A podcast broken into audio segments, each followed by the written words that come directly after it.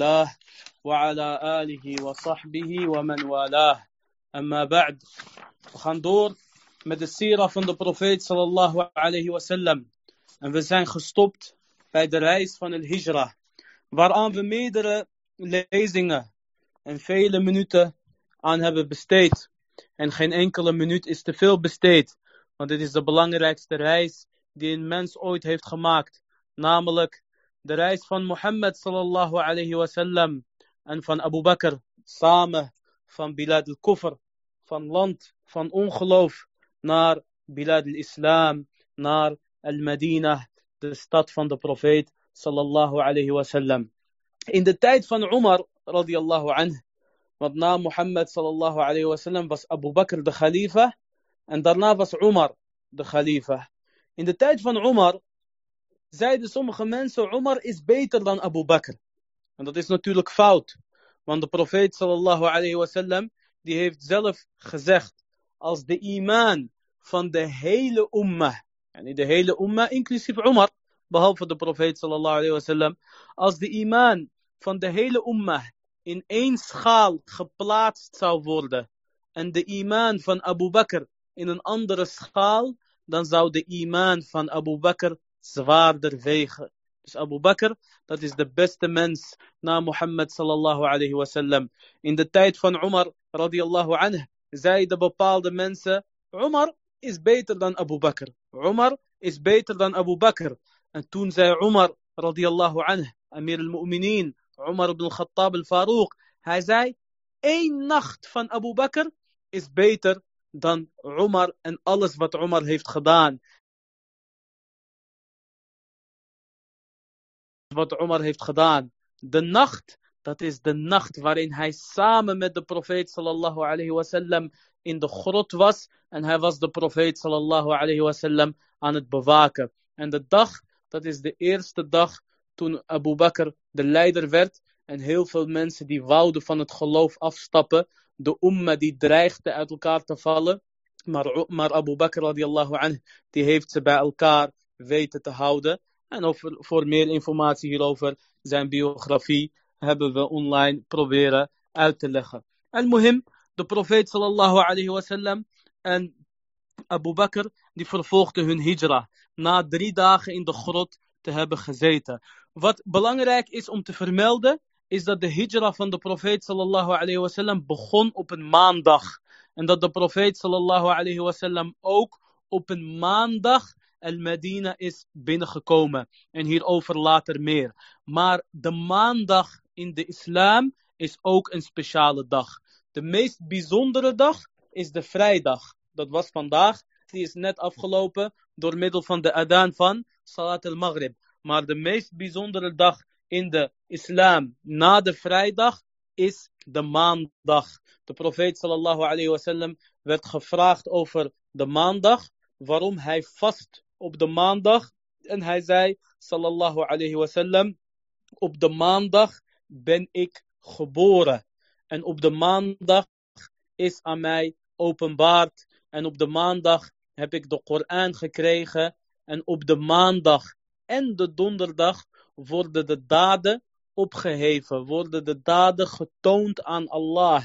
En ik hou ervan dat mijn daden worden getoond aan Allah terwijl ik aan het vasten ben. Ook zei de profeet sallallahu alayhi wasallam zoals staat in Sahih Muslim. Elke maandag en donderdag dan gaan de poorten van de hemel open. En dan wordt iedereen vergeven behalve degene die shirk pleegt, veel goderij, afgoderij, of degene die met iemand ruzie heeft. En dit hebben we vaak herhaald en dit blijven we herhalen. Maar de meeste mensen die luisteren niet. Heb je ruzie vanwege dunya redenen, leg deze bij. Hoe groot je trots of ego is. Want wallahi loopt veel hasanat mis. Wallah al-musta'an. Al-muhim. Maandag is dus een bijzondere dag. Op die dag is de profeet sallallahu alayhi wasallam geboren. Op die dag is de profeet sallallahu alayhi wasallam een profeet geworden. Op die dag is er aan hem geopenbaard. En op die dag, op een maandag, is de profeet vertrokken vanuit Mekka. En op een maandag is de profeet sallallahu alayhi wasallam aangekomen in Al-Madinah. En een van de bijnamen van el Medina is Taibah of Tabah. Taibah, niet of, maar en. En Tabah. En Taibah, dat komt van Taibubah. En dat is goedheid. En el Medina is een en al rust en goedheid. Van de bijzondere zaken die zijn gebeurd tijdens uh, de reis van el Hijra, is dat er een man was en die heette Suraqa ibn Malik. En hij was ook op zoek naar Mohammed sallallahu alayhi wasallam en naar Abu Bakr. Want Quraysh die had bloedgeld gezet, die had een prijs gezet op het hoofd van Mohammed sallallahu alayhi wasallam en Abu Bakr ridwanullahi alayhima een volle bloedgeld, namelijk 100 kamelen per persoon. Dat kreeg degene die hun wist te halen dood of levend. Levend of dood.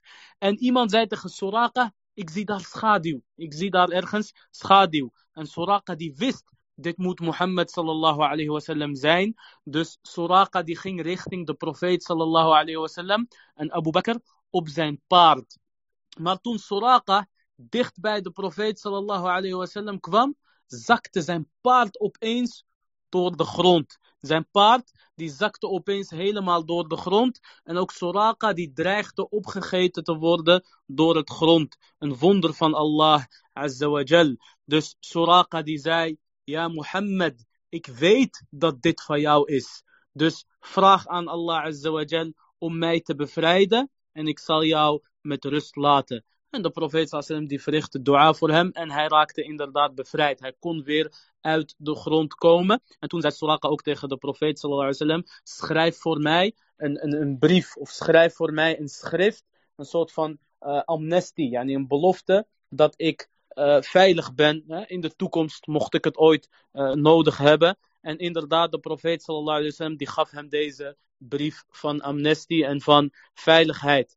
Dus Soraka die ging terug en iedereen die kwam, hij zei tegen hun, jullie hoeven hier niet te zoeken. Ik heb al gezocht, Mohammed is hier niet. En zoals staat in de hadith, begin van de dag was hij een vijand van Mohammed, was hij op zoek naar Mohammed. En aan het einde van de dag verdedigde hij juist Mohammed sallallahu alayhi wasallam. En dit, is, dit komt vaker voor, ook bij Umar radiallahu anhu. Toen hij onderweg was om de profeet sallam te vermoorden. In het begin van de dag was Mohammed de meest gehate bij hem. En aan het einde van de dag was Mohammed sallallahu alayhi wasallam de meest geliefde bij hem. En dit is de qudra. Dit is uh, Allah azza wa jal die tot alles in staat is. Kun fayakun subhanahu wa ta'ala. Dus het enige wat van ons wordt gevraagd, beste moslims, is om de sebab te doen. Om redenen te doen om iets te bereiken of zodat Allah met ons tevreden is. Voor de rest, als jij je best hebt gedaan en je best blijft doen, laat het over aan Allah Azza wa Jal. Kun fayakun. Hij weet wat beter voor jou is. En juist de vijand die jij vreest, kan hij een geliefde maken. En daar tegenover staat, als je bezig bent in de dunya, juist de mensen van wie jij houdt, die kunnen opeens jouw vijanden worden. En de oplossing en de uitweg van dit alles is het denken aan Allah Azza en het plaatsen van Allah Azza op nummer 1 alleen. En daar hoort hij ook, subhanahu wa ta'ala. Ondertussen hoorden de mensen van de Medina dat de profeet sallallahu alayhi wasallam op hun onderweg naar hun was.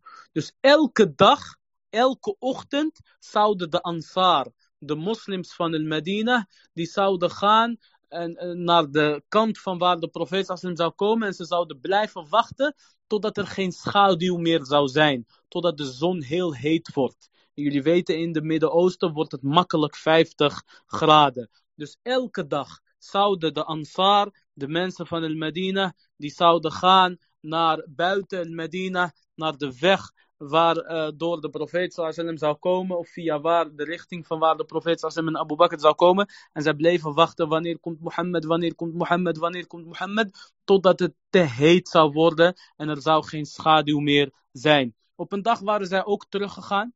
Op een dag waren zij ook gewoon aan het wachten en het werd te heet en zij gingen weer terug. En toen zag een Joodse man Mohammed sallallahu alayhi wasallam en Abu Bakr aankomen. En hij schreeuwde hij schreeuwde, hij zei, Ja bani qaylah, hada jaddukum alladhi tantadirun. O zonen van qaylah. Al-Ansar, dat zijn al-Aus wal-Khazraj. En ze hadden een gezamenlijke oma, ze hadden een gezamenlijke oma. Ze ontmoetten elkaar in afkomst in een oma genaamd Qaylah. Vandaar dat deze Jood zei, o kinderen van Qaylah, dit is jullie sultan. Dit is jullie trots, jullie eer waar jullie op aan het wachten zijn. En zo gingen de Ansar naar buiten met hun wapens om de profeet sallallahu alayhi wasallam te ontmoeten. Want het, trekken van de wapens, dat gebeurt tijdens oorlog, maar dat gebeurt ook tijdens vreugde. Net als hoe je vandaag de dag vreugdevuur hebt. Net als bij het huilen, je hebt tranen van verdriet, en dat is meestal het geval, maar je hebt ook tranen van vreugde. Je hebt uh, vuur ten tijde van uh, het vuren van kogels, ten tijde van uh, oorlog en ten tijde van angst, maar je hebt ook vreugdevuren. En muhim, een van de gewoontes van de Arabieren is dat zij dus hun zwaarden trokken en met hun wapens naar buiten zouden gaan in het ontvangen van een belangrijke persoon, een belangrijke reiziger die onderweg was en die zij heel erg hebben gemist. En wie is nou belangrijker dan Mohammed sallallahu alayhi wasallam? Dus Al-Ansar, de mensen van Al-Medina, die hebben Mohammed sallallahu alayhi wasallam ontvangen met open armen en vol liefde. Anas ibn Malik radiallahu anhu die zegt, zoals staat in het sahih, hij zei, toen de profeet sallallahu alayhi wasallam kwam, heel Medina werd verlicht. Er was noor in heel Medina. En op de dag dat de profeet sallallahu alayhi wasallam overleed, werd het donker in Medina. Dit is de baraka van Mohammed sallallahu alayhi wasallam. De plek waarin hij is, die is gewoon gezegend en verlicht. Hij zelf, Mohammed sallallahu alayhi wasallam, is een en al baraka. Zijn haartjes werden gebruikt door de sahaba en door de self. En dat, mixte zij in een emmer water en de sahaba en de self zouden hiervan drinken. Na de dood van Mohammed sallallahu als je gewoon een haartje had van de profeet en dat kwam in contact met water, dan was dat water gezegend. Vandaag de dag bestaat niet meer en de, bestaat dit niet meer en dit is nog nooit voor iemand van deze umma gebeurd, behalve Mohammed sallallahu alaihi wasallam. Zelfs Abu Bakr en Umar niet, maar de profeet sallallahu wel. Dus hij is een en al gezegend. Dus de Ansar die ontvingen de profeet sallallahu alayhi wasallam met open armen en vol liefde. En er wordt dus gezegd dat zij toen zeiden, het bekende gedicht wat, wat wij allemaal hebben geleerd tijdens kindertijd. Er wordt dus gezegd dat, wij, dat, dat zij toen zeiden, Ridwanullahi alayhim, طلع البدر علينا من ثنيات الوداع وجب الشكر علينا مرحبا يا خير داع أيها المبعوث فينا جئت بالأمر المطاع Dit is wat bekend is bij de mensen. Dat Tala al-Badru, dat dat werd voorgedragen toen de profeet sallallahu alaihi wasallam kwam van Mekka met Abu Bakr. Maar dit is niet waar. Dit is niet waar en dit is niet correct. Ibn Kathir, rahimahullah ta'ala, die zegt, het, het meest waarschijnlijke is dat Tala al-Badru is gezegd op het moment toen de profeet sallam kwam van slagveld Tabouk. Van slagveld Tabouk. Een van de grootste oorlogen die de profeet sallam heeft gevoerd, is, het, is de oorlog van Tabouk. De slagveld van Tabouk. En toen de profeet sallam daarvan terugkwam, is de, dit gedicht voorgedragen en is dit gedicht uh, opgenoemd of gezongen of hoe je het ook wil uh, noemen door de mensen van Medina. Waarom? Omdat de geleerden zeggen, Thaniyat al-Wada' dat is een plek. Ha? Tala al-Badru alayna min Thaniyat al-Wada'. Thaniyat al-Wada' is een plek en die ligt niet op de route van de profeet sallam en Abu Bakr op de hijra route. Die ligt aan een andere kant van de Medina en via daar is de profeet sallam gekomen van het slagveld Tabuk. Dus ter verbetering, Tala al-Badru alayna, als dat is gezegd, Ibn Kathir rahimahullah ta'ala zegt in zijn sira, dit is gezegd bij terugkomst van het slagveld van Tabouk en niet bij de hijra van de profeet sallam. Wallahu ta'ala a'lam. Dat maakt de vreugde van de Ansar niet minder. Zij waren heel blij met de profeet sallallahu alaihi wasallam en iedereen die kwam kijken naar Abu Bakr en naar de profeet sallallahu alaihi wasallam. Maar de profeet was heel nederig. De profeet was heel nederig. Hij ging zitten. En Abu Bakr die ging staan en die ging praten en die ging Dus degene die Mohammed wasallam nooit had gezien, want je had dus sommige van de Ansar, die hadden de profeet wasallam gezien tijdens al-Aqaba al-Ula of tijdens al-Aqaba al-Thaniya. Wat we hebben gehad een paar lezingen geleden. De, de, de, de Ansar die op al-Hajj kwamen en de Bay'a, de eed van trouw gaven aan de profeet wasallam. Hun wisten, dit is Mohammed en dit is Abu Bakr. Maar de mensen van al-Ansar, de mensen van de Medina, die Mohammed wasallam nog nooit hadden gezien, die dachten dat Abu Bakr Mohammed was, sallallahu alayhi wasallam, en dat Mohammed Abu Bakr was. En ze hadden allebei witte kleding aan, zeggen de riwayat. Totdat de zon heet werd en Abu Bakr, die dus aan het staan was, hij bedekte de profeet sallallahu alayhi wasallam, hij zorgde voor schaduw voor de profeet sallallahu alayhi wasallam met een stuk kleding, met zijn mantel. En daardoor wisten de mensen, dit is Mohammed en dat is Abu Bakr moraal van het verhaal, en dit gaat vaker voorkomen, is dat de profeet sallam zo eenvoudig was, zo nederig, dat als je tien mannen had, dat je niet eens zou kunnen zien aan de hand van hun kleding of aan de hand van hun gedrag, wie is Mohammed sallallahu alayhi. Mohammed sallam, die was de beste. De beste van de umma, sterker nog, de beste persoon van Adam tot aan Yom al-Qiyamah. Maar Mohammed die had niet de behoefte om zich te gedragen als iemand die beter is dan de rest, of als iemand die anders is dan de rest. En dit is heel belangrijk. En dit is voor elke student van kennis, of voor elke rijk persoon, of ook voor elke koning en voor elke machthebber. Blijf gewoon normaal, blijf simpel, blijf humble, blijf nederig. Want niemand is beter dan Mohammed sallam. En de mensen die Mohammed nooit hadden gezien, die moesten gewoon vragen, wie is Mohammed? Of totdat zij zagen hoe de sahaba hem zouden eren en behandelen. Net als Abu Bakr radiallahu anhu in dit geval. Hij zou hem dus bedekken met zijn mantel. En daardoor wisten de mensen, oké, Mohammed krijgt de schaduw van Abu Bakr.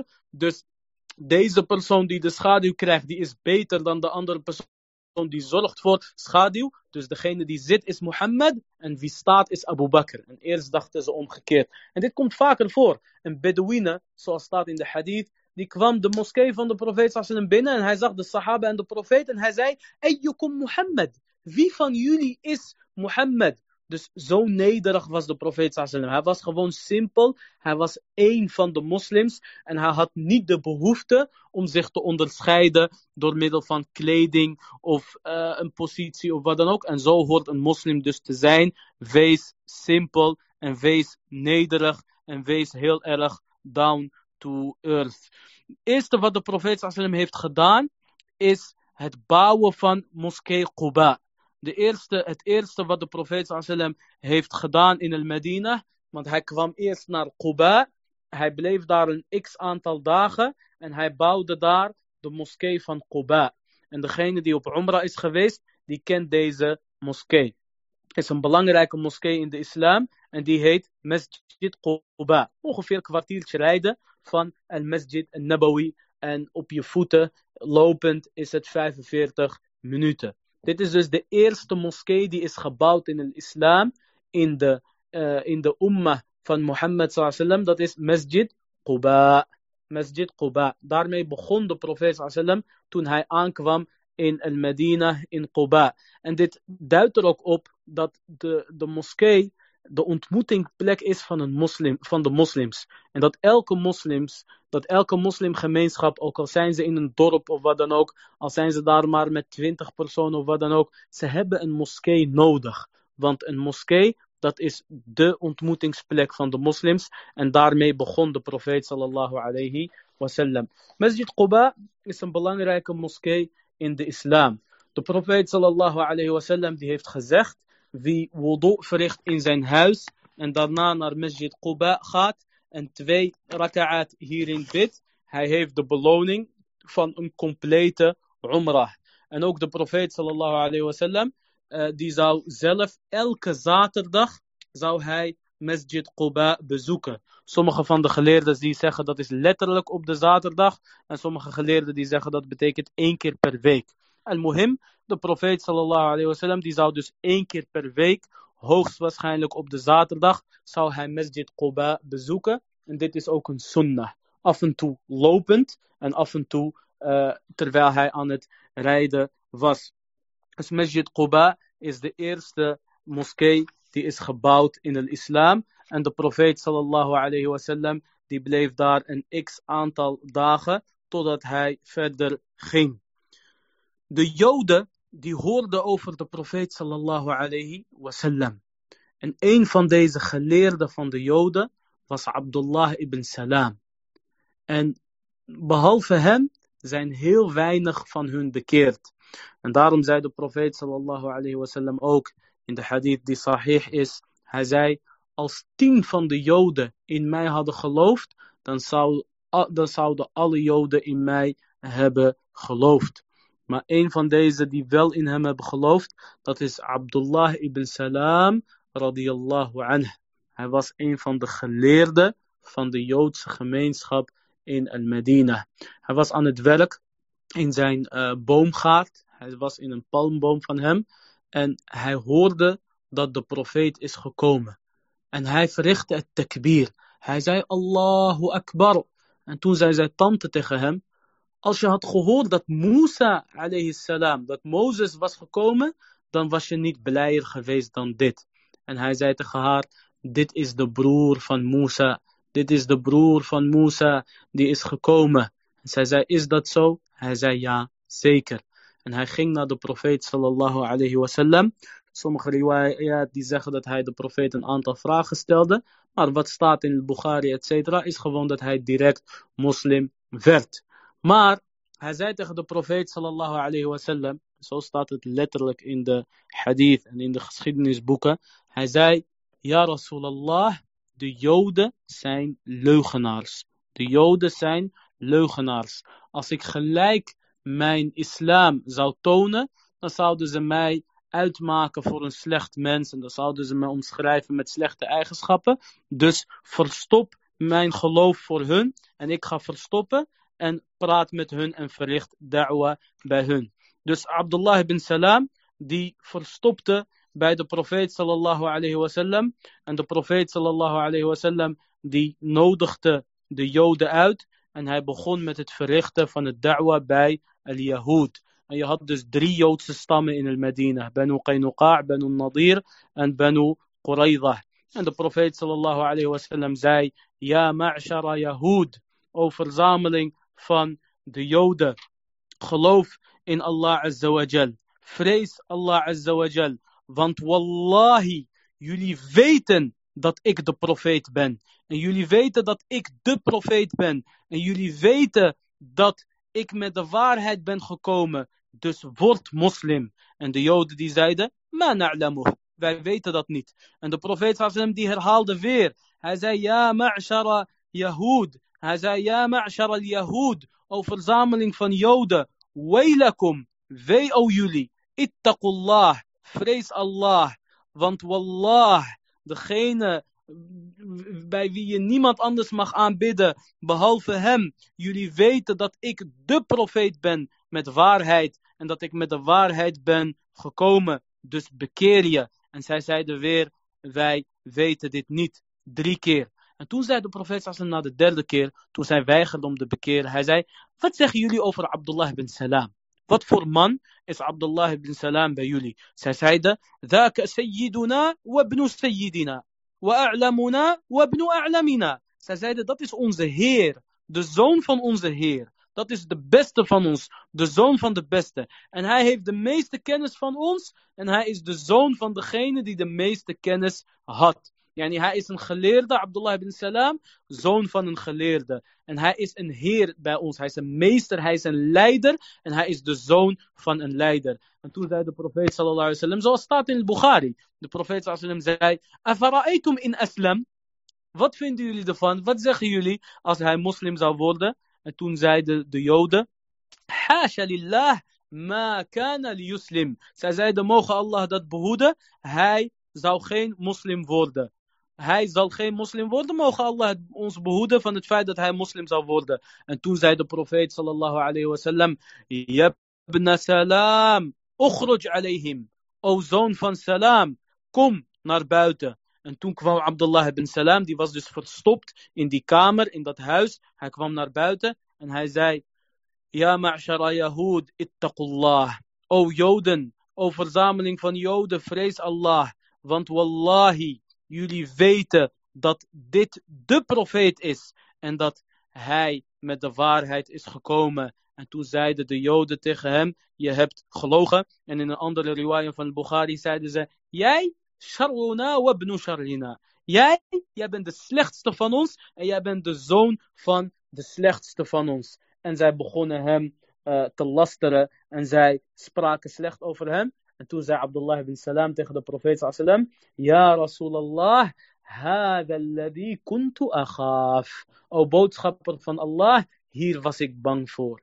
Hier was ik bang voor, voor deze framing, voor deze valse leugens. Dus toen, hij, toen zij dachten dat hij nog net als hun een kaver was en een jood was, zeiden ze: Dit is de beste. En hij heeft de meeste kennis van ons. Hij is een leider, zoon van de leider. Hij is de, de, degene met de meeste kennis, zoon van degene met de meeste kennis. En toen zij hoorden dat hij zei, La ilaha illallah Muhammad Rasulullah, werd hij opeens de slechtste en de zoon van de slechtste. Dus zelfs zijn vader, die, die, die, die hier niks mee te maken heeft, en die gewoon een jood was, net als hun, die werd ook opeens de slechtste. En dit is die, die, die framing die je vandaag de dag nog steeds ziet in bepaalde media is dat ze het, glas omkeren hoe zij willen. Dat bepaalde ongelovigen de glas omkeren hoe zij willen. Of beschrijven hoe zij willen. Half vol of half leeg. En Abdullah bin Salam, die werd dus een moslim. En hij was een van de weinige joden die zich hadden bekeerd. Want dat was een stukje jaloezie in die tijd. Mohammed sallam is een Arabier en hun zijn van Benu Israël. En zij beschouwen zichzelf als het uitverkoren ras in ieder geval veel beter dan de Arabieren, want hun moeder is Sarah, uh, salam, een vrije vrouw. En onze moeder is Hajar, salam, en dat was dus een, een slavin. Dat is een van de redenen waarom zij zich beter uh, vinden, et cetera, et cetera. Maar Allah Azza wa Jal, die kijkt niet naar ras, die kijkt niet naar bloed, die kijkt niet naar afkomst. Het enige waar Allah Azza wa Jal naar kijkt, zoals we hebben gehad in de vorige hadith, in de, in de vorige les, de eerste les van Riyad al-Salihin. Allah Azza wa Jal die kijkt alleen naar de harten en daden. Dus Abdullah bin Salam, die werd moslim en zijn verhaal is bijzonder. En daarom wordt dit ook genoemd vlak na de hijra van de profeet sallallahu alayhi wasallam. Een van de meest bijzondere bekeringsverhalen ooit is het verhaal van Salman al-Farisi radiyallahu anhu. En Salman al-Farisi die ging ook naar de profeet sallallahu alayhi wasallam terwijl de profeet sallallahu nog in Quba was. Vandaar dat de geleerden, onder andere Ibn Kathir, rahimahullah ta'ala, die noemen zijn verhaal op ook in het begin van de aankomst van de, van, van de profeet sallallahu alayhi wasallam in Medina, in Quba, om specifiek te zijn. Het verhaal van Salman al-Farisi radiyallahu anh is lang. En het staat samengevat in Musnad al-Imam Ahmed. En Salman al-Farisi is een van de sahaba die heel oud is geworden. Al-Dahabi, rahimahullah ta'ala, die noemt dat op in Sira al nubala en ook Ibn Kathir, et cetera. Ze zeggen dat hij boven de 200 jaar oud is geworden, radiyallahu anh. En de samenvatting van zijn verhaal is als volgt. Salman, je hoort het al, hij is een Farisi. Hij is een Perzier.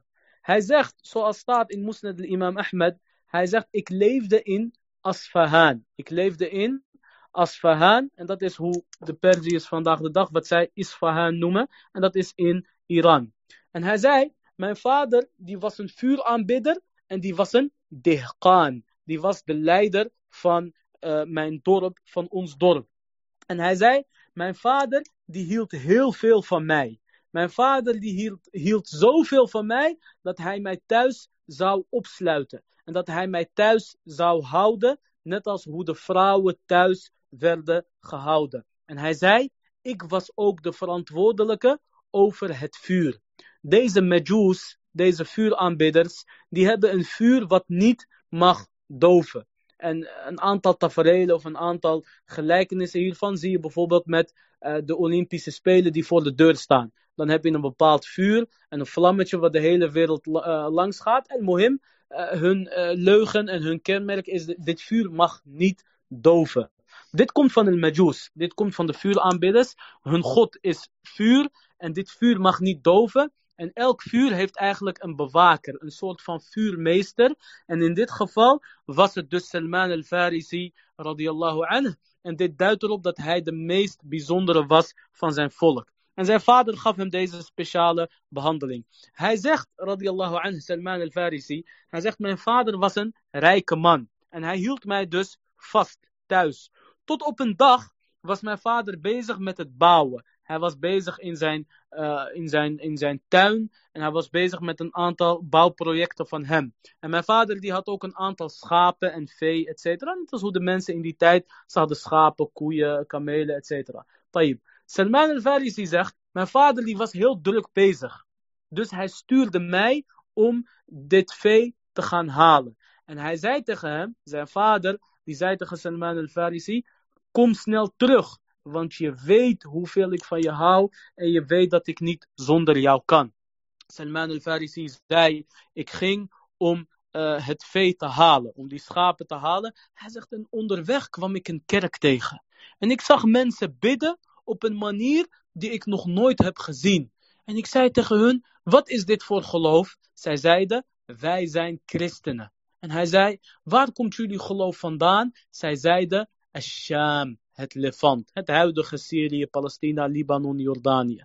Ze zeiden, daar komt het vandaan. En hij zei, ik bleef met hun de hele dag tot de avond. En inmiddels werd zijn vader heel erg bezorgd. En zijn vader was hem aan het zoeken. En hij stuurde mensen om hem te zoeken. Maar zij konden hem niet vinden totdat hij zelf terugkwam in de avond. En zijn vader, de Dihqan, die zei tegen hem, ja Salman, waar was jij?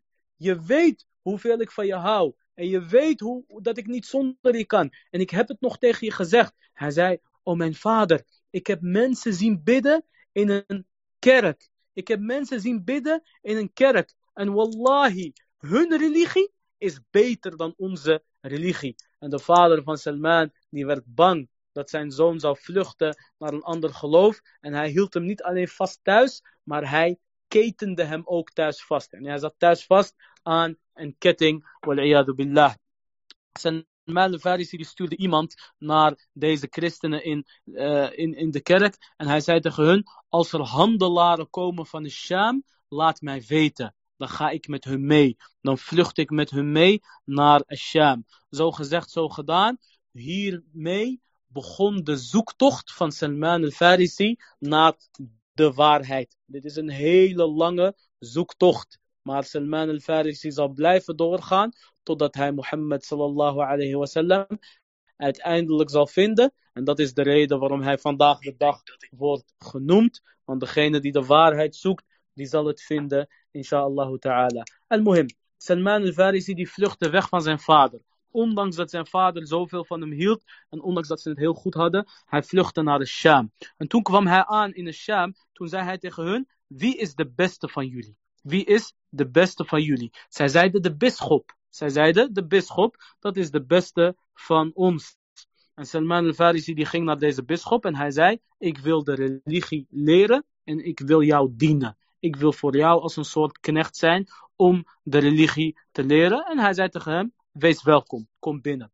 Salman al-Farisi anhu, die zei deze man was een hele slechte bisschop. Hij zei tegen de mensen, geef sadaqa, maar hij zou het geld bewaren en hij zou niks geven aan de armen. Dus deze bisschop, hij was niet alleen een priester of wat dan ook, eh, geen pastoor, maar hij was echt onder de paus, gelijk bisschop, was heel groot, maar het was een leugenaar. Het was een valse christelijke geleerde. Hij zou het geld verzamelen en niks uitgeven, totdat hij stierf. En Salman al-Farisi die zag dat. Op het moment dat ze hem wouden begraven, zei Salman al-Farisi radiyallahu anhu tegen de christenen, dit was een slechte man. Hij zei tegen jullie, geef sadaqa, maar hij gaf zelf niks weg. En zij zeiden, hoe weet je dat? Hij zei tegen hun, ik kan jullie laten zien waar zijn schatkist is. Ga naar die en die plek en je zult zes zakken vinden met goud en zilver. Zo gezegd, zo gedaan. Zij gingen naar de plek waar Salman al-Farisi, die door Salman al-Farisi werd aangewezen. En zij pakten niet zes, maar zeven zakken met goud en zilver. En zij zeiden, Wallahi, deze bisschop gaan we nooit begraven. Die gaan we nooit begraven. En er kwam een nieuwe bisschop. Zij hebben deze dode bisschop gelaten. De dieren die, die mochten hem opeten. En als straf hebben ze hem niet begraven. Toen kwam er een nieuwe bisschop. Salman al-Farisi zei: Op de moslims na heb ik nog nooit zo'n goede, eerlijke aanbidder gezien. En deze bisschop die toen kwam, die was wel heel goed. Het was een heel goed mens en hij deelt veel goede zaken. Op een gegeven moment overleed hij.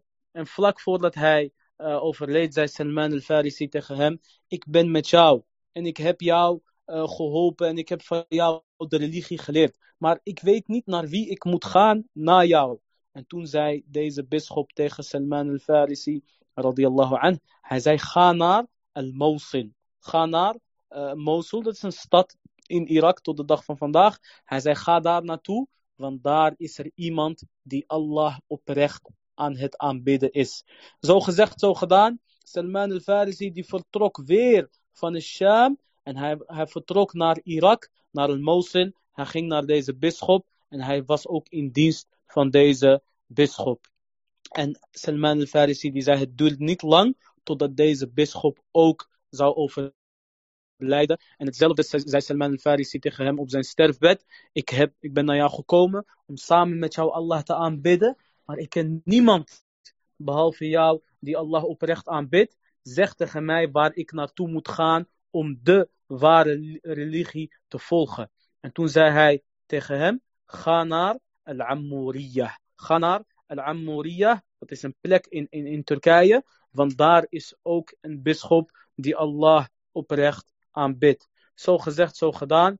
Hij ging naar Al-Ammuriyah. Hij verkocht zelfs zijn schapen en alles om meegenomen te worden naar Al-Ammuriyah. Dus eerst van Iran naar Sham, naar Syrië. Van Syrië naar Irak, van Irak naar Turkije. Een wereldreis heeft Salman al-Farisi radiallahu anhu gemaakt. En uiteindelijk was hij dus in Ammuriyah. En ook deze bisschop, die zou overlijden. En hij zei tegen hem, waar moet ik naartoe? Waar moet ik naartoe om de ware religie te volgen? En toen zei deze bisschop tegen hem, ik ken niemand, maar ik weet wel dat er binnenkort een profeet komt. Dat dit de tijd is. Er staat een profeet. Het is, uh, dit is de tijd dat er een profeet zal komen. Yani je staat op het punt om een profeet te komen. En hij zal komen in een land met harlateen. Hij zal komen in een land met palmbomen tussen twee zwarte bergen. En dat is wat we gisteren, dat is wat we vorige week hebben uitgelegd. De profeet sallam die zei dat hij zag in zijn droom, zoals staat in Sahih Muslim. Ik heb een land gezien met palmbomen tussen twee zwarte stenen, al-harlateen. Dat zijn eigenlijk twee bergen en op die bergen zijn zwarte stenen. Dat zijn een soort lavastenen of stenen die in ieder geval zwart zijn geworden door het vuur en door de lava. Deze bisschop die zei hetzelfde tegen Salman al-Farisi radiyallahu anhu. Waarom? Omdat zij Ahlul Kitab zijn. Zij zijn de mensen van het boek. In de Torah en in de Injil, in de Evangelie en in de Torah staan er duidelijke aanwijzingen dat Mohammed sallallahu alayhi zou komen. En daarom Abdullah bin Salam radiyallahu anhu, de Joodse geleerde, die herkende Mohammed sallallahu alayhi gelijk. En zo ook deze bisschop, hij zei tegen Salman al-Farisi, er komt een profeet aan en hij komt in een land van palmbomen tussen twee zwarte bergen. Salman al-Farisi die zei, er kwamen wat Arabieren langs. En deze bisschop die zei dus tegen hem, de profeet komt in een Arabisch land. En hij zei, willen jullie mij meenemen? En zij zeiden, ja, is goed. En hij zei, ik geef jullie mijn schapen, et cetera. Maar onderweg, zei Salman al-Farisi, overmeesterde deze mensen mij en zij maakten mij gedwongen tot slaaf en zij verkochten mij aan een aantal Joden. Zij verkochten mij aan een Joodse man. En Salman al-Farisi die zei, deze man die bracht mij naar Yathrib. Deze man die bracht mij naar Medina. Hij zei, en toen ik zag dat dit een land is van palmbomen tussen twee zwarte stenen, toen wist, tussen twee zwarte bergen, toen wist ik gelijk, dit is de stad waar ik naartoe moest gaan. En deze Jood die verkocht hem aan een uh, Joodse neef van hem. En zo bleef Salman radiallahu anhu werken als slaaf bij deze Joodse man, wachtende stiekem op Mohammed sallallahu alayhi wasallam. Hij wist niet wanneer, maar hij wist wel dat er een profeet gaat komen op deze plek. En ondanks deze wereldreis was hij het niet zat en bleef hij op zoek naar de waarheid. De priester die zei tegen hem, de bisschop die zei tegen hem, de teken van deze profeet is dat hij sadaqa niet eet, maar cadeautjes eet hij wel. Dus de profeet accepteert geen sadaqa voor zichzelf, maar hij accepteert wel cadeautjes. En hij zei, zijn tweede teken is dat hij op zijn rug een Ghatam nubuwa heeft. De teken dat hij een profeet is, namelijk een, een stukje, een klompje vlees, dat had de profeet sallam op zijn rug, een beetje richting uh, zijn linker schouderblad. Daardoor wist je dat dit de profeet is. Dus hij wist, dit is de plek en dit is de teken van die profeet. Op een dag, Salman al-Farisi die was aan het werk in zijn palmboom en er kwam een man, kwam een Jood naar zijn Joodse meester en die zei tegen hem, de leider van de Arabieren is gekomen en zij zijn hem nu tot koning aan het maken.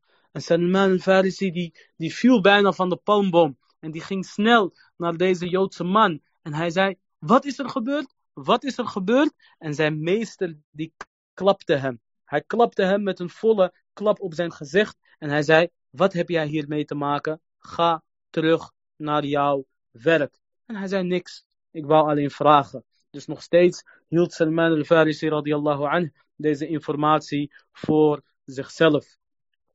De Salman al-Farisi die zei, ik had iets verzameld. Ik had iets verzameld voor uh, mijzelf. Hij zei, en ik ging naar de profeet sallallahu alayhi wasallam. En subhanallah, zij herkende de profeet sallallahu aan zijn gezicht. Zoals Abdullah bin Salam ook zei. Hij zei, toen ik de gezicht van Mohammed zag, sallallahu alayhi wasallam, toen wist ik al, dit is niet de gezicht van een leugenaar. Vaak kan je bijzondere goede mensen herkennen aan hun gezicht. Er straalt een soort noor van hun. Terwijl de, de bijzonder slechte mensen, je ziet ook duister in hun gezicht. En dat zie je wanneer je zelf een schoon hart hebt. En dit is bekend bij de geleerden. Al-Muhim, Abdullah bin Salam, die zei toen ik de profeet sallam zag, toen wist ik dit was geen leugenaar. En ook Salman al-Farisi, radiallahu anhu. Toen hij de profeet sallam zag, had hij gelijk een goed gevoel bij hem.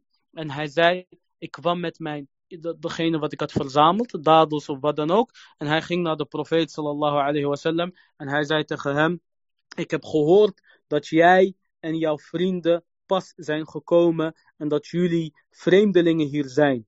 En ik heb gehoord dat jij een goede man bent. Dus dit is een sadaqa, eet hiervan.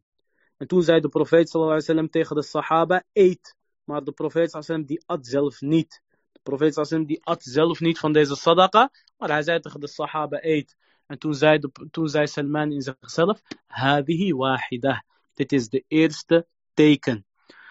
Na een tijdje kwam Salman al-Farisi weer. En hij had weer wat verzameld van eten. En hij zei tegen de profeet sallallahu dit is een cadeautje. En hiermee wou ik jou eren. Yani dit is een cadeautje voor jou, ja Rasulallah. En de profeet sallam, die zou dit keer wel eten. Toen het een cadeau was, zou de profeet sallam wel eten. En toen zei Salman al-Farisi in zichzelf, dit is het tweede teken. Dit is de tweede teken. Dus Ahl-Kitab die wisten. De profeet sallam, die accepteert geen sadaqa, maar wel een cadeau. En dit is iets voor Ahl al-Bayt. Dit is iets voor iedereen die afstamt van de profeet sallallahu alaihi wasallam. Iedereen die van Banu Hashim is en Banu Muttalib. Zakat is voor hun haram. As-sadaqa is voor hun haram. Maar cadeautjes mogen zij wel accepteren. En de derde keer, toen kwam Salman al-Farisi radiyallahu anh naar de profeet sallallahu wasallam. En hij ging achter de profeet staan. Hij ging achter de profeet staan en hij probeerde te kijken of er een zegel is of niet. Ghatem en nubuwa. En de profeet sallam die had dit door, dus hij liet zijn mantel vallen. Hij liet zijn mantel vallen. De profeet had een rida aan. Dat is wat de mannen aantrekken wanneer zij op Umrah zijn of op Hajj in staat van ihram. Dan hebben ze een izar beneden en van boven hebben ze een soort van mantel. En dat is een rida. Toen de profeet sallam zag dat, dat Salman dat probeerde te zien, of hij die zegel had of niet, ter profeetschap, als laatste profeet, liet de profeet zijn mantel vallen. En toen zag Salman, radiyallahu anhu, deze zegel. En Salman radiallahu anhu die zei, ik viel op de profeet sallallahu alayhi wasallam op zijn rug en ik begon zijn rug te kussen en ik huilde, ik barstte in tranen uit. Salman radiallahu anhu die had eindelijk zijn zoektocht naar de waarheid afgerond en eindelijk had hij de uiteindelijk had hij de waarheid gevonden en had hij Mohammed sallallahu alayhi wasallam gevonden. En hij werd dus een goede moslim en een van de beste moslims. Maar hij was nog steeds een slaaf. En de profeet sallam die zei tegen hem, Katib ya Salman, maak een afspraak om jezelf vrij te kopen ya Salman. En mukataba is dat een slaaf gaat naar zijn meester en hij zegt, luister, ik wil geen slaaf meer zijn, spreek een x bedrag met mij af. Als ik dat uh, kan regelen, of ik nou word geholpen of niet, dan ben ik een vrije man. En in de islam is dit verplicht. In de islam is het verplicht wanneer een slaaf een goed mens is, een goede moslim is en vraagt om een mukataba, dan is het verplicht om met hem een prijsafspraak te maken. En in de islam is het ook zeer aangeraden om slaven vrij te kopen. Onder andere, soms is het ook verplicht. Bijvoorbeeld wanneer iemand gemeenschap heeft gehad met zijn vrouw tijdens de dag van Ramadan. Of wanneer iemand per ongeluk een moslim heeft vermoord of een ander heeft vermoord, dan is de eerste kafara, de boetedoening, het vrijkopen van een slaaf. En dat is dan verplicht. Wanneer je bijvoorbeeld gemeenschap hebt gehad tijdens de dag van Ramadan. En ook wanneer je hebt gezegd, wallah, ik ga dit wel doen. Of wallahi, ik ga dit niet doen. En uiteindelijk keer je daarvan terug. Het is dan een sunnah om een slaaf vrij te kopen. En dit is dan de boetedoening voor jouw zweren. Dus het vrijkopen van de, van de slaven in de islam is belangrijk. En een van de acht categorieën van de zakat is dus voor het vrijkopen van een slaaf. Uh, Al-Muhim, de profeet die adviseerde Salman, koop jezelf vrij. En deze Jood, die zei tegen hem, uh, de afspraak die ik met jou maak, zijn 300 palmbomen. 300 palmbomen, die moet jij zaaien en uh, verzorgen. En hij maakte ook een afspraak met hem. 40 uh, van zilver. En dat is 1600 zilveren munten. En dat is heel veel geld. Dat is heel veel geld. En toen zei de profeet sallam tegen de sahaba. A'inu akhakum. Help jullie broeder. En zij begonnen met het verzamelen van al-fasila, namelijk een hele kleine palmboom. En de profeet sallam die zei tegen Salman, graaf maar laat mij de palmbomen erin leggen. Op het moment wanneer je die palmbomen erin legt, roep dan mij en ik doe dat voor jou. Zo gezegd, zo gedaan. De profeet Sassam die legde met zijn eigen hand de palmbomen erin. En Salman al-Farisi radiallahu anhu zei, geen enkele palmboom die was mislukt. En daarna kwam de profeet Sassam met een stukje goud naar Salman, even groot als een ei. En hiermee had Salman zich vrijgekocht. Dit is dus een heel lang verhaal, een heel bijzonder verhaal. En dit is het verhaal van Salman al-Farisi radiallahu anhu. Kort gezegd, wat leren we uit dit verhaal, beste broeders en zusters? Dat is dat de zoektocht naar de waarheid nooit ophoudt. De zoektocht naar de waarheid houdt nooit op. Een moslim die dient ten alle tijden leergierig te zijn, net als hoe Salman radiallahu anhu leergierig was. En hij werd opgesloten door zijn vader. En zijn vader die hield ontzettend veel van hem. Maar toch koos hij voor de waarheid. En ook toen Salman radiallahu anhu verder ging naar Asham, hij vroeg gelijk, wie is de meest geleerde? Hieruit leren we, beste broeders en zusters, dat de waarheid bij de geleerde te vinden is. Bij de geleerde te vinden is. En niet bij een of andere onbekende schrijver op internet. Niet een of andere YouTube filmpje of eh, anonieme, uh, anonieme spammer of wat dan ook. Nee, de waarheid die is bij de bekende geleerde. En uit het verhaal van Salman al-Farisi radiyallahu anh leren we ook dat je twee soorten geleerden hebt. Je hebt goede geleerden en je hebt slechte geleerden. Want deze bisschop, de eerste bisschop, dat was iemand die ging voor de dunya. Dus pas hiervoor op. Zit je bij de geleerde of zit je bij een student van kennis? Wees geen schaap. Wees niet blind. Wees niet doof. Maar zorg er altijd voor dat je sensor aanstaat. Hoeveel je ook houdt van diegene, kijk goed en wees kritisch. Is diegene goed bezig of niet? En mocht je beproefd worden met een slechte geleerde of met een slechte persoon, heb geduld. Net als hoe radiallahu anhu geduld had en weet dat het hoe dan ook, bi'idnillah, als jouw hart zuiver is, zal het goed komen. Want daarna is Salman al-Farisi een goede geleerde tegengekomen. En subhanallah, het zitten bij een goede geleerde heeft een domino-effect. Zij verwijzen jou weer naar de andere geleerde. De ene bisschop naar de andere bisschop. Al is het in een ander land. En zo is Salman radiallahu anhu uiteindelijk bij de profeet sallallahu alayhi wasallam terechtgekomen. Wat we ook leren van het verhaal van Salman radiallahu anhu is dat degene die kennis wil en degene die waarheid wil, bereid moet zijn om te reizen naar deze waarheid. Je kan niet verwachten dat vanuit je luie stoel en vanuit je verwende, vertrouwde omgeving alles naar jou toekomt. Als jij de waarheid wil en als jij de top wil bereiken, net als hoe Salman radiallahu anhu is blijven zoeken totdat hij Mohammed sallam heeft bereikt, hij is gaan reizen van Iran naar Sham, van Sham naar Irak, van Irak naar Turkije, van Turkije naar Al-Medina. Terwijl hij uiteindelijk een slaaf was, maar hij bleef zoeken naar de waarheid. Dus degene die kennis wil en degene die kennis opzoekt, die moet zich voorbereiden voor een lange strijd, voor een lange reis, vol met armoede, vol met tegenslagen. Maar wallahi, het deert niet, want hij is op de pad van Allah Azza wa.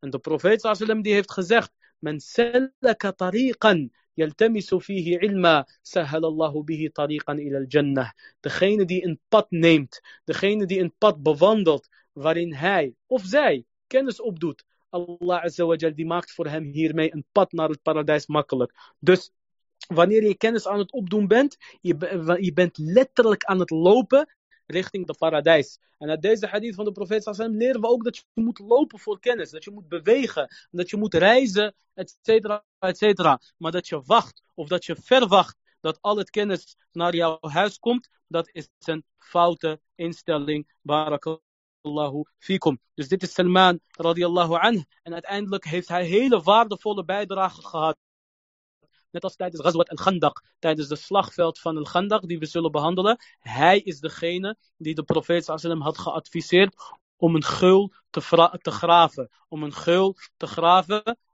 want dat is wat ze deden in Iran. Een van de laatste zaken die we moeten vermelden over de hijra van de profeet sallallahu alayhi wasallam, is dat de profeet sallam Ummu Ma'bad tegenkwam. Onderweg kwam de profeet sallallahu alayhi wasallam Ummu Ma'bad tegen. En dat was een vrouw, een Bedouine vrouw. En zij was een sterke vrouw en ze had een sterk karakter. Yani zij zou zich mengen onder de mannen, maar wel met schaamte. Zij zat bijvoorbeeld bij haar voordeur. De profeet sallam en Abu Bakr die, die zagen haar en die zeiden van, uh, mogen wij melk van jou? Mogen wij melk? In, in, die tijd was het normaal wanneer er mensen midden in de Sahara jou tegenkomen, dan zijn zij jouw gast en dan ben jij de gastheer. In de islam is het ook verplicht om, op, vooral op afgelegen gebieden, is het verplicht dat iemand van het dorp voor 24 uur de gastheer is. En Mohim, zij vroegen dus aan haar van, uh, is er melk? En zij zei tegen hun, er is niks en als er wat was, dan had ik jullie gegeven. En toen zei de profeet tegen haar, wat is die schaap dan daar bij jou binnen, thuis? En Ummu Ma'bad, die zei, dit schaap wordt niet zwanger. Yani dit schaap die wordt niet zwanger, laat staan dat uh, deze schaap melk gaat geven. Toen zei de profeet sallam, mag ik uh, haar proberen te melken? Mag ik haar melken? Zij zei, melk maar als deze schaap melk geeft. En de profeet sallam die sloeg op haar rug, één op twee keer, de rug van, van de schaap.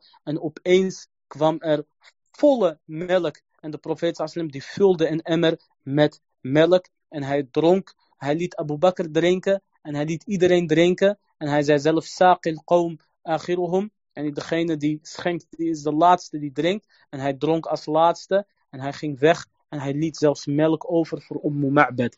De man van Ummu Ma'bad die kwam en die zei tegen haar sinds wanneer is hier melk van uh, deze uh, schaap, van dit dier? En zij zei er is een man gekomen, een hele bijzondere man. En hij heeft dit gedaan. Hij heeft een, een schaap die niet bevrucht kon worden, heeft hij uh, gemolken. En hij zei tegen haar, beschrijf deze man voor mij. Want volgens mij is dit de man waarnaar Quraysh op bezoek is. Deze beschrijving van Ummu Ma'bad, radiyallahu anha, want ze is hierna moslima geworden, is een van de meest uh, gedetailleerde omschrijvingen van Mohammed sallallahu alayhi wasallam. Sommige van de sahaba die zeiden ook tegen, die zeiden ook tegen Ummu Ma'bad, hoe heb jij de profeet sallam zo goed kunnen omschrijven in één keer? Terwijl sommige mensen dus jaren met de profeet sallam waren, maar zij konden hem niet zo omschrijven. Zij zei, de blik van een vrouw is niet net als de blik van een man. Dus vrouwen die kunnen over het algemeen beter omschrijven. Zij zei over de omschrijving van de profeet sallallahu alayhi wasallam, en deze hadith is belangrijk, want zo leer je een beetje hoe de profeet sallallahu alayhi wasallam eruit zag. Zij zei, ik zag een hele knappe man. En die had hele goed gedrag en hij had een knap gezicht. De profeet sallam, zoals staat in andere hadith, de profeet sallam had een ronde, volle gezicht. Zij zei, de profeet sallam, die had geen uh, uitgestoken buik, maar hij was ook niet mager. Dus de profeet sallam, die was precies plat, maar zonder mager te zijn. Yani, hij had geen uh, dikke uitgestoken buik of wat dan ook, maar tegelijkertijd was hij ook niet mager. Zij zei, de profeet sallam, die had ook geen klein hoofd. En die had juist een iets uh, hoofd wat richting een groot hoofd ging. En zij zei, hij zag er dus heel mooi uit. En de profeet sallam had melkwitte ogen. En zijn pupillen, die waren juist inktzwart.